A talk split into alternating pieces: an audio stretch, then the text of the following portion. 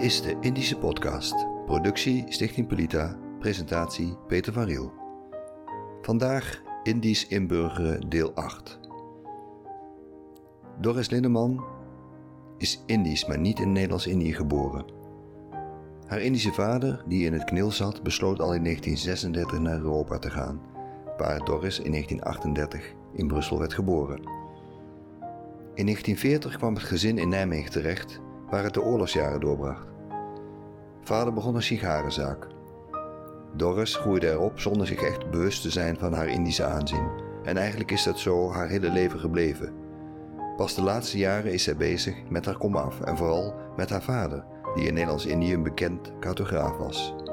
In Nijmegen werd een straat naar hem vernoemd.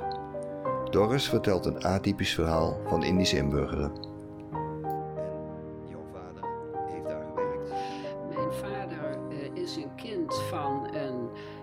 Duitse soldaat, militair en van een Indonesisch meisje.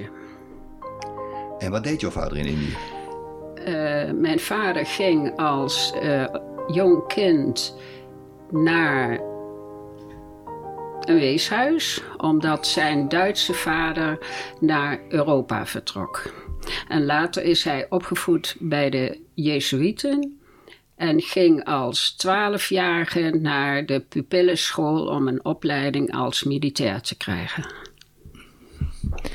En jouw vader heeft ook een carrière gemaakt in Indië. Ja, hij, eh, ik heb later begrepen dat het uitzonderlijk is dat een, een ehm, Europees-Indisch Indische jongen een opleiding krijgt als officier.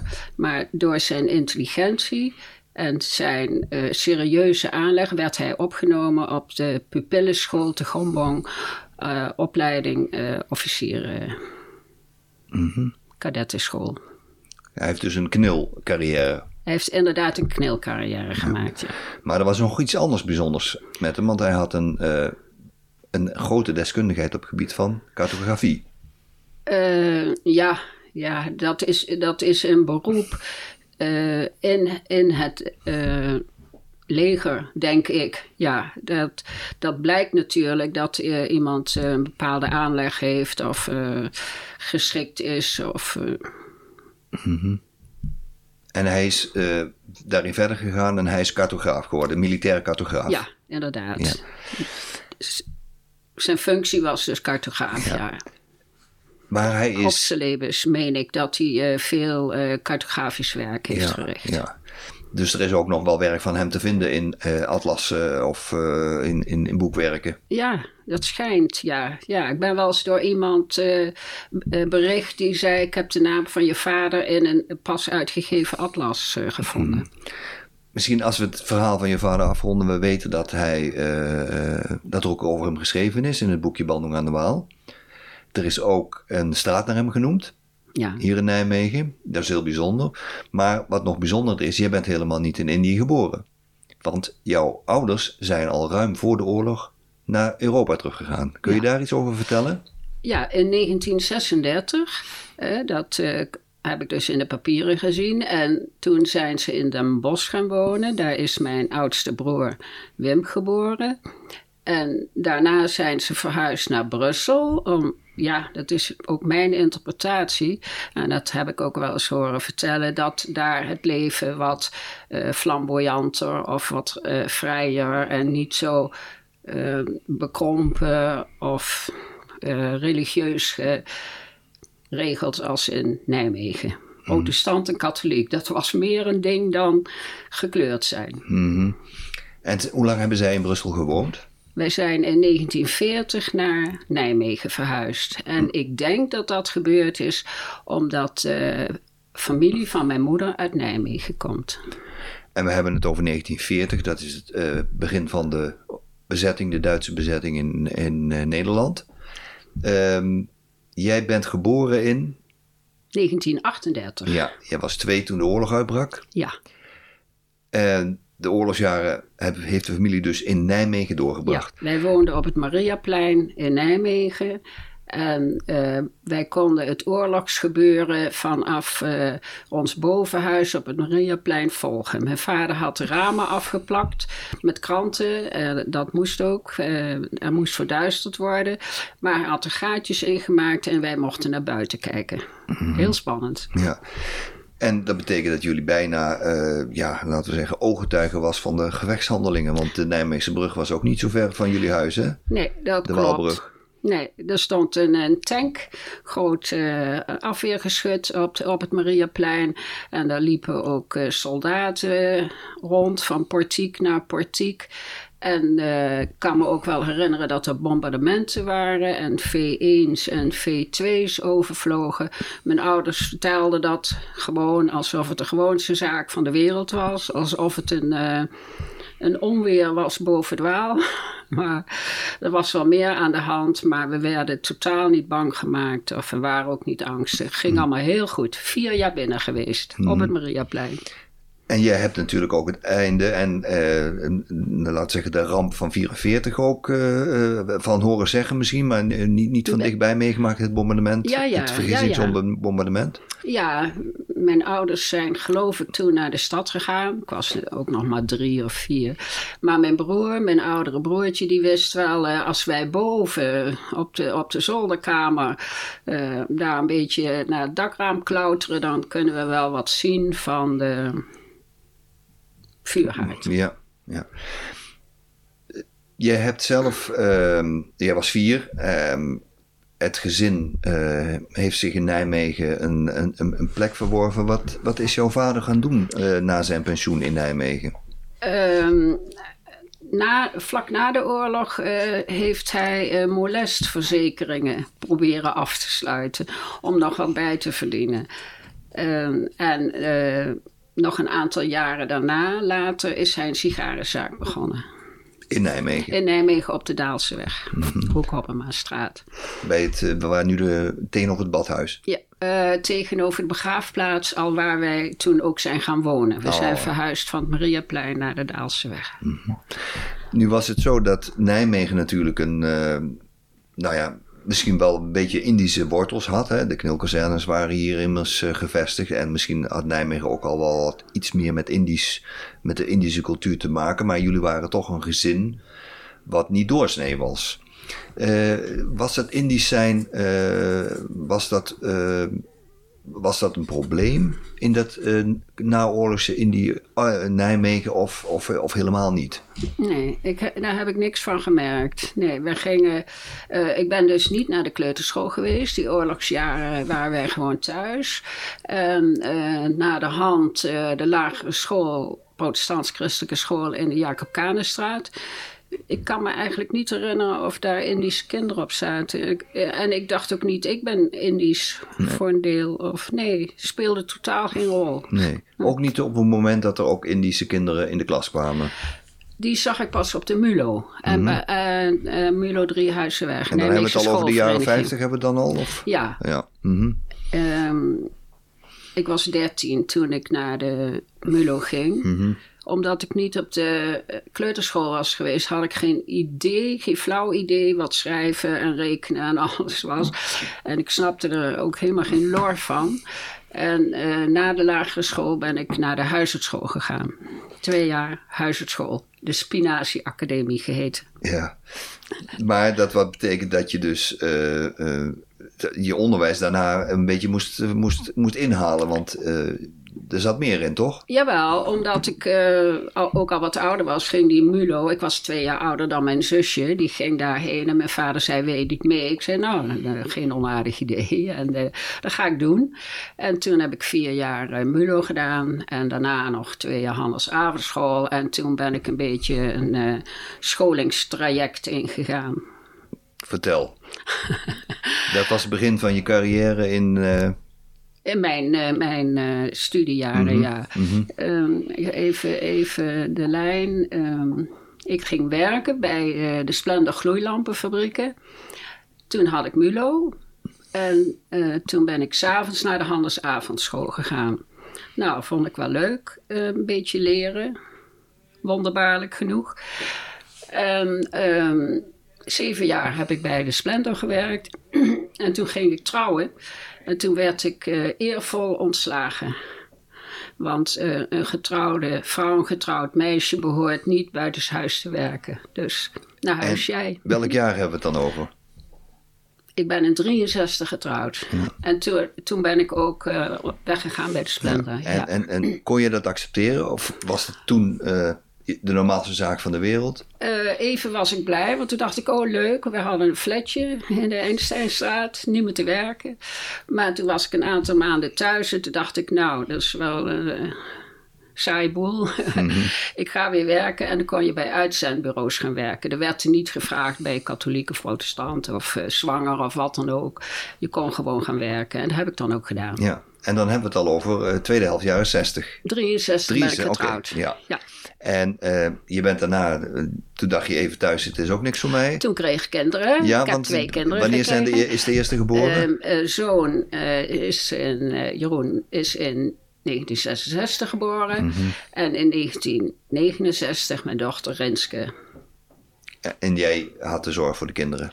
En ik was thuis, ja, ja inderdaad. Ja. Dus je hebt vlak voordat je je kinderen kreeg nog wel even wat gewerkt via uitzendbureaus. Ja. En daarna kwamen de zwangerschappen en de kinderen en de, en de, en de opvoeding. En toen was ik thuis. Ja, en, ja. en jouw man, wat deed hij? Mijn man is onderwijzer, dus ook nog wel aardig om te vertellen. Wij kregen verkering en hij was katholiek en ik protestant.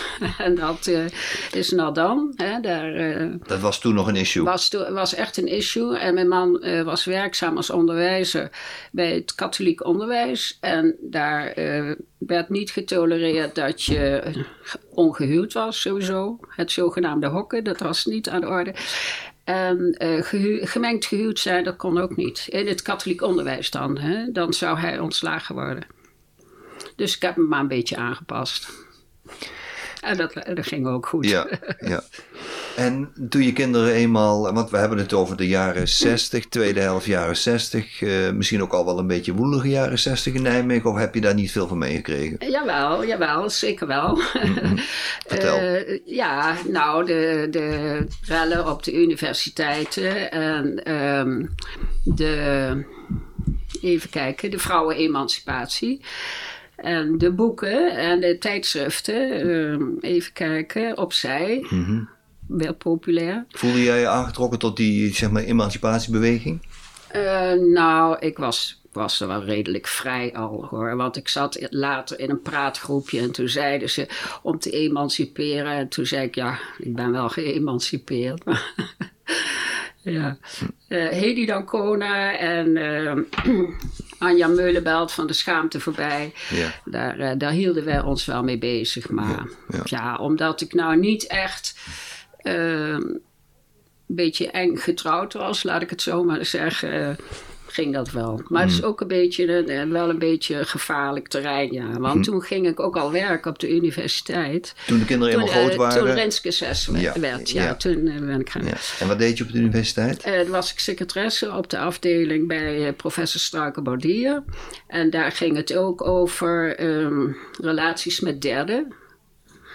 En over eh, Sartre en de Beauvoir. Dus eh, ja, was wel een leuke leerschool. Ja. En eh, is het zo dat die, die, die universitaire wereld was natuurlijk eh, f- nou ja, nog verder vooruit dan de gemiddelde eh, burger Ja. van Nederland. Zeker. En je hebt dus ook echt de, de, de pittige discussies en de bezetting zijn er toen ook geweest van ja, sommige Parijs faculteiten. wel. Hè? De Op, bij, bij, Het opstand van Parijs werd Ja, hier, dat, die ja. waaide ook een beetje over naar Nijmegen. Nou, Nijmegen geloof weet ik niet Hmm. hoor. Want even denken, welk jaar ben ik gaan werken? 70. Nee, later. Rens is in 69 geboren en ze was zes toen zij naar school ging. En toen ben ik gaan werken. Mhm. Ja, Ja. Hoe lang heb je op de universiteit gewerkt? 13 jaar. Dat is een hele tijd, dus tot Ja. eind jaren zeventig. Ja, Ja. ik eh, kon eruit met een eh, beleidskaderregeling. eh kreeg doorbetaald. Mhm. Ja. dat was een, een regeling om te bezuinigen, maar daar had ik wel leuk baat bij. ja, en dat heb je ook aanvaard en dat heb je ook prettig gevonden, dat vervroegde pensioen. Meteen, Mhm. want eh, ik had bij eh, professor Struiker en bij, de hele vakgroep trouwens, die eh, gingen allemaal wel over, ook de vrije seksuele moraal en wat ik zei over eh, Sartre en Beauvoir. Toen dacht ik, oh, ik denk dat ik dat ga studeren, filosofie. Je bent gaan studeren? Ja, zo makkelijk ging dat. Ja. ik dacht, En welk jaar hebben we het dan over dat je die filosofie-studie bent begonnen? Ehm, toen ik eh, met die beleidskaderregeling. eh, Dus eind, jaren 70, eind jaren ja, 70. 70. Ja. Ja. Dus je bent filosofie in Nijmegen gaan Ik studeren? ben, ja, maar dat was wel een beetje te hoog gegrepen, Oh. moet, ik, erbij zeggen. Dus toen ben ik eh, eerst, eh, omdat iemand anders met wie ik samen studeerde zei, eh, die, die het ook niet lukte, we gaan ehm, MOA doen, pedagogiek. Ik zei, oh, dat is een goeie, ga ik mee, ga ik ook doen, om een beetje te leren studeren en de terminologie en al dat... een beetje eigen te maken. Nou, dat is gelukt. Eh, drie jaar had ik eh, pedagogiek MOA. En toen ben ik, eh, heb ik me ingeschreven op de faculteit. Ja, ben ik filosofie gaan studeren. Maar het lesgeven, eh, dat, daar wilde je niet aan. Want je, je mocht toch lesgeven dan, of niet? Eh, Of had ik je heb nog- les eh, eh, ehm, humanistisch eh, vormingsonderwijs gegeven, even. Ja, aan, aan kinderen op de lagere school. Maar ik vond het toch leuker om zelf te studeren, Mhm. Ja, ja. om eh, filosofie te gaan studeren. Dat trok me hevig. Ja, dus je hebt even een stapje teruggenomen. Eerst die MO ge- afgemaakt. Ja, om te leren. Ja, en daarna toch alsnog aan die filosofie-studie begonnen. Ja, dat was de bedoeling. Ja. Da- dat heb ik bewust gedaan om een beetje in, in die materie en in eh, woorden en eh, terminologie te komen. Ja. Moest, moe- was wel nodig. Ja. En eh, heb je die filosofie-studie afgerond? Ja, ja, Ja? doctoraal. Ja. En kun je wat mensen noemen die, waarvan je toen een college hebt gehad? Ja, van de vakgroep waar ik werkte. Dus Struiker Baudier en Gerlo Verwij en Thomas Bouwmeister en Wim Dekker. En ehm, eh, eh, ja. Mhm. Ja. ja, dat was, dat was wel leuk. En, en eh, even denken, die nu al nogal eh, bekend is in de ethiek. ehm, nou ja, Nou, het die- geheugen ja, speelt me ook je hebt die, Dat is een voltijdstudie geweest. Ja, Ja. En daarna, ben je daarna iets mee gaan doen met die filosofie-studie? nee. nee, nee. Nee, heb ik niet gedaan. Nee, toen ben Dat ik... hoeft natuurlijk niet per se, want, maar promoveren heb je niet aan gedacht. Nou, nee, dat vond ik wel zwaar. Want ik zag op de vakgroep wel mensen die aan het promoveren waren. En die vonden dat allemaal heel, heel heavy. En eh, het is ook zo dat ik eh, een gezin heb, hè, ook. En ik had ook nog wel vaak baantjes. Hè. Ik deed ook nog wel allerlei werk eh, hier en daar, wat er maar voor mijn neus kwam. Mhm, ja. ik ben, ben, eh, daarna ben ik eh, gastvrouw geworden voor oudere mensen. Oké. En Op, bij, mijn, op mijn leeftijd. nou, op, bij een instelling of een, eh, een nee, gewoon verzorgingshuis? particulier. Oh, Ik zag een, eh, ik, was de, ik had mijn doctoraal gehaald en toen was ik thuis en toen had ik weer, oh ja, nou ben ik weer thuis. Ja, hè? Dus ja. Mhm. Niet vervelend hoor, thuis helemaal niet, maar eh, wat ga ik doen? En toen zag ik een advertentietje dat eh, de kinderen zochten op eh, gezelschap, een eh, gezelschapsdame voor hun moeder of voor hun ouders.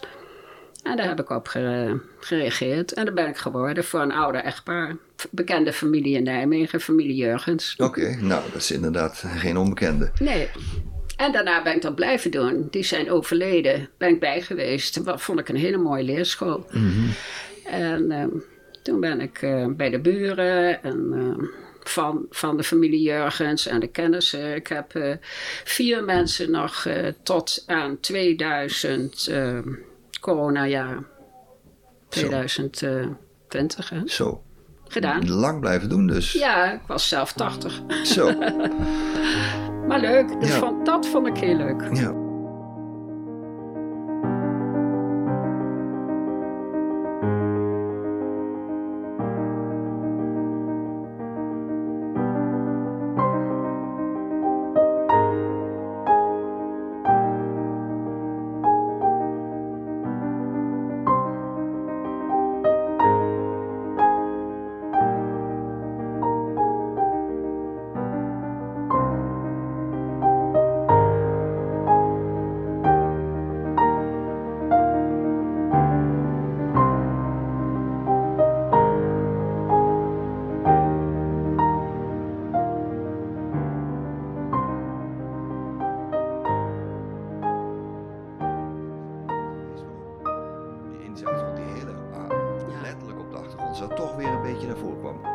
Is dat begonnen? Dat is in het jaar 2000 geweest. Toen kwam Pieke Hooghoff, Hooghoff op mijn pad. Die zocht mensen eh, voor haar boekje Bandung aan de Waal. En eh, die heeft, geloof ik, via eh, de boekwinkel uh, Roelands mijn adres gekregen. En zo is het gekomen. Want zij zocht ja. Nijmegenaren met een Indische achtergrond. En het verhaal van jouw vader is daarin opgenomen. Ja. Maar voor jou betekent dat ook dat je misschien toch geleidelijk aan met die Indische wortels ook iets bent gaan doen. En ja. wat, is, wat heeft dat voor ontwikkeling bij jou teweeg Nou, zij ging mij interviewen, net als nu. Mhm. En ehm, ja, ik heb me daar eigenlijk nooit zo mee bezig gehouden. Want, uh, nou, ik was, uh, ik had een gezin en ik, uh, ik, had werk en ik studeerde. Dus ik had het druk en ik dacht helemaal niet aan, ja,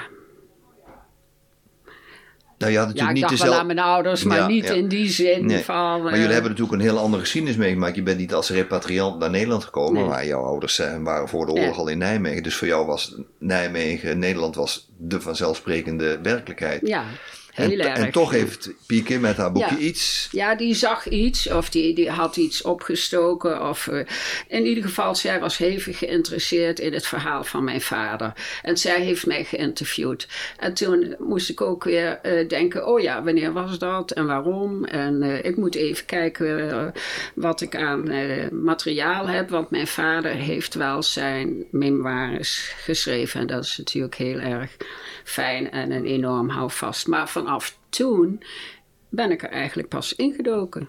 En, en, Moet ik tot mijn schaamte wel bekennen. ja.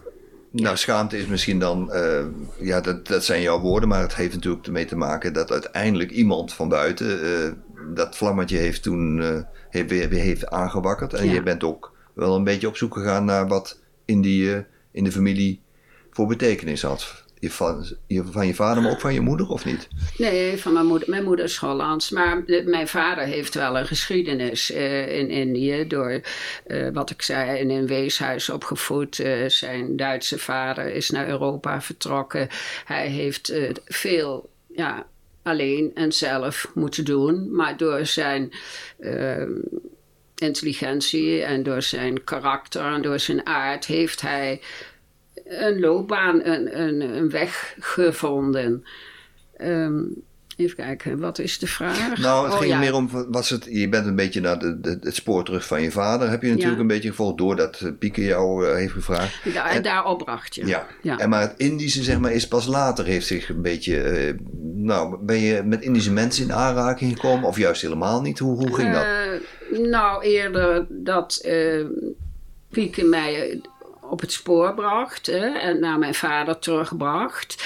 En ik zijn memoirs ging opzoeken en zij mij ging interviewen. En ik, ja, vanaf dat moment eigenlijk, eh, ja, en ik was ook eh, ouder en rustiger en thuis en eh, meer aandacht daarvoor. Ja, zo. Ja, en is, eh, maar het is niet bij dat boekje gebleven. Je bent uiteindelijk, heb, heb, ben je wel wat in Indische kringen gaan bewegen. Eh, Of heel nou ja, heel boeken gaan lezen. Ja, Ja. dat klopt wel. Mhm. Ja, ja. Nou, ik had vroeger ook wel Indische vrienden hoor. Op de Mulo ook. Er zaten Ja. eh, best eh, behoorlijk wat Indische kinderen, ja. Ja, dat zal natuurlijk ook in die jaren geweest zijn dat ze naar Nederland kwamen. Ja, 50, hè? 60. Ja, ja. ja. ja, Ehm, ja, vanaf dat moment eigenlijk eh, eh, met pieken. En eh, ja, En geleidelijk aan is er dan, je bent boeken gaan lezen, zeg je. ja. Noem eens een paar boeken die je heel erg hebben, die indruk hebben gemaakt. Als het over Indië nou, ik heb net nog een hele dikke pil gelezen over Indonesië, maar ik kan, ik kan niet e- even niet zeggen. Het meer actuele werk van Rijbroek en ja, ook ehm, die pas nog geïnterviewd is. ehm, Regie Baai. ja, Mhm. nee, die andere een man met het eh, vreselijke leven. Het, eh, het ehm, heet het Zwaard van Indië? Ehm, Hevig verhaal, heel hevig verhaal. kan ja. er zo niet opkomen. Ik ook niet. Nee, dat is het vervelende, het geheugen. De, de, tolk vooral van, de, tolk, de tolk van ja, Java, de tolk van, van, Alfred Java. Burney. Ja. Ja, ja, Mhm. ja. En nog een heel dik boek, Ja. ja, dat is die van Baaien. Ja. Inderdaad, ja. En is het nou zo dat je op enig moment, eh, want ik, dat mag ik hier best zeggen. Ik kom jou nu bij de Indische koffietafel van Pelita Ja. ook tegen. Hè? Ja. Wat, wat, dat is ooit begonnen en hoe is dat eh, nog niet eens zo lang geleden eigenlijk? nee, hè? dat, komt dat eh, komt door corona. Ja. dat coronatijdperk. Ja. Ehm, ik werkte dus nog met oudere mensen, zal ik maar zeggen, als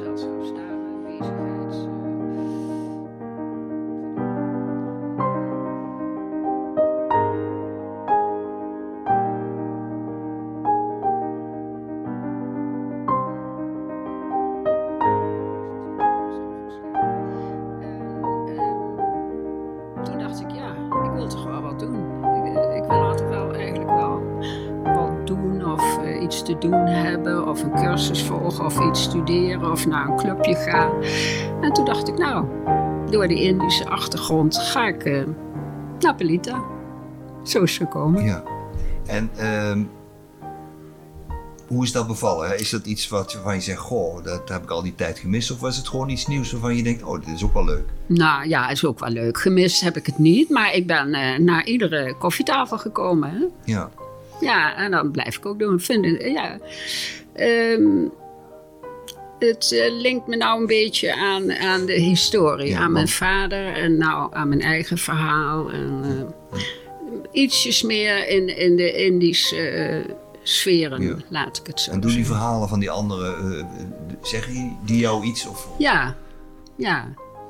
Ja, die vind ik mooi. Ik, ik heb nou pas een boekje gekocht, ook met interviews van mensen met hun geschiedenis. En eh, ehm, het boek Lichter dan ik, is meen ik de titel. ja. Dat eh, was eigenlijk ook een beetje het verhaal van mijn vader. Dus eh, ja, de- er is wel associatie en belangstelling. En laat ik zeggen, misschien zelfs wel een beetje een leefsfeer die mij eh, ja.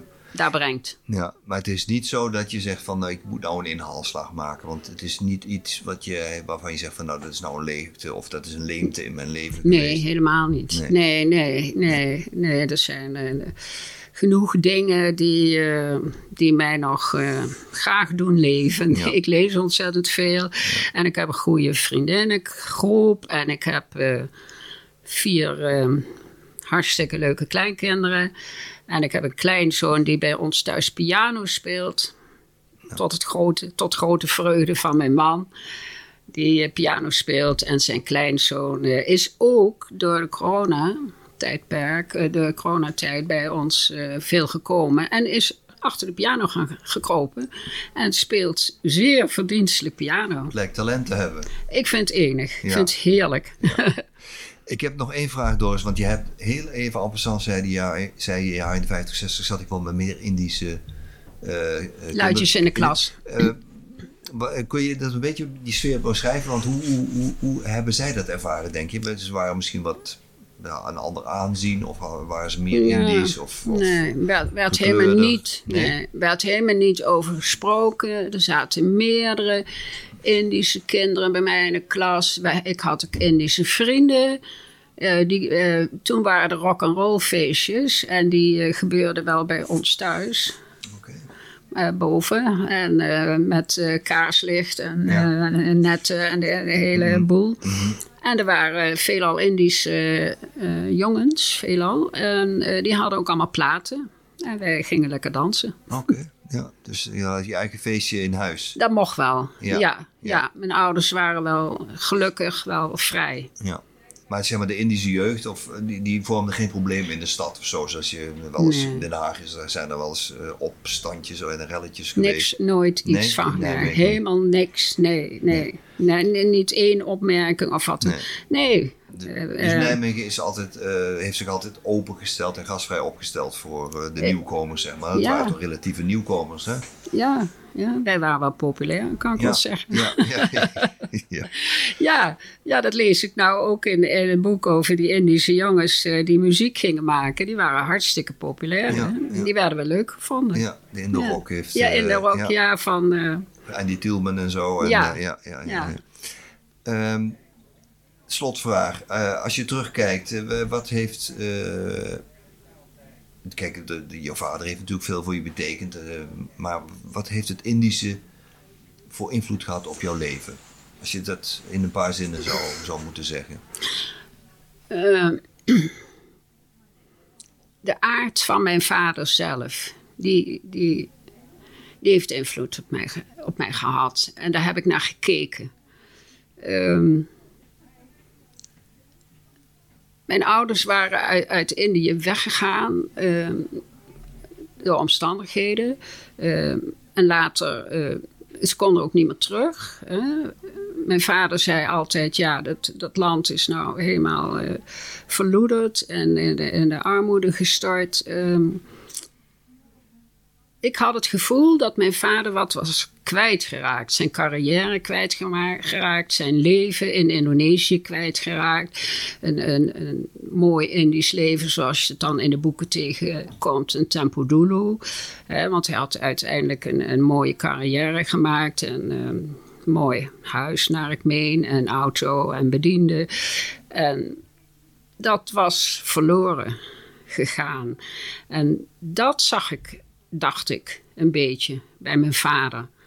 En dat raakte mij. Dat, dat, ehm, hij had een bepaalde melancholie, maar hij ging gewoon werken. Dus vlak na de oorlog is hij die molestverzekeringen gaan doen, wat niks opleverde. Dus toen is hij die sigarenzaak begonnen. En dat hij met zijn intellect en met zijn intelligentie en met zijn carrière een sigarenzaak begint en daar nooit of te nimmer over klaagt. We hadden vijf kinderen, dus het is best een groot gezin om uh, te voeden en, en op te voeden.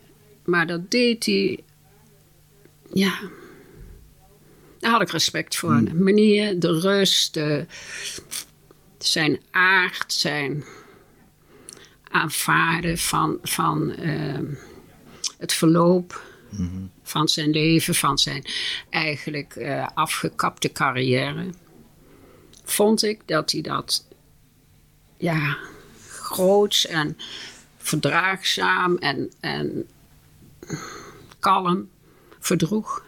Zonder dat hij jullie kinderen daarmee belastte?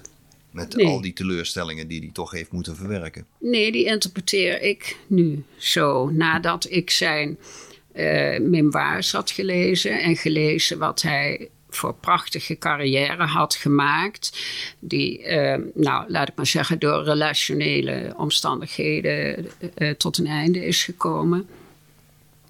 En hoe hij dat gedragen heeft en, en stabiel en naar ons toe uh, vormend is geweest. Ja, en, en dat heb ik wel gekoppeld aan dat is Indisch. dat vond ik mooi. Ja.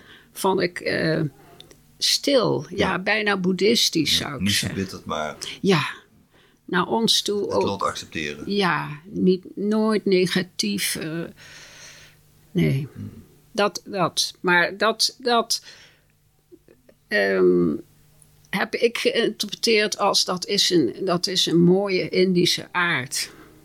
Laat ik het zo zeggen. Boven Hollanders. Ja. nou, lijkt me een mooie afsluiting, Doris. ja. Dankjewel. Ja, graag gedaan.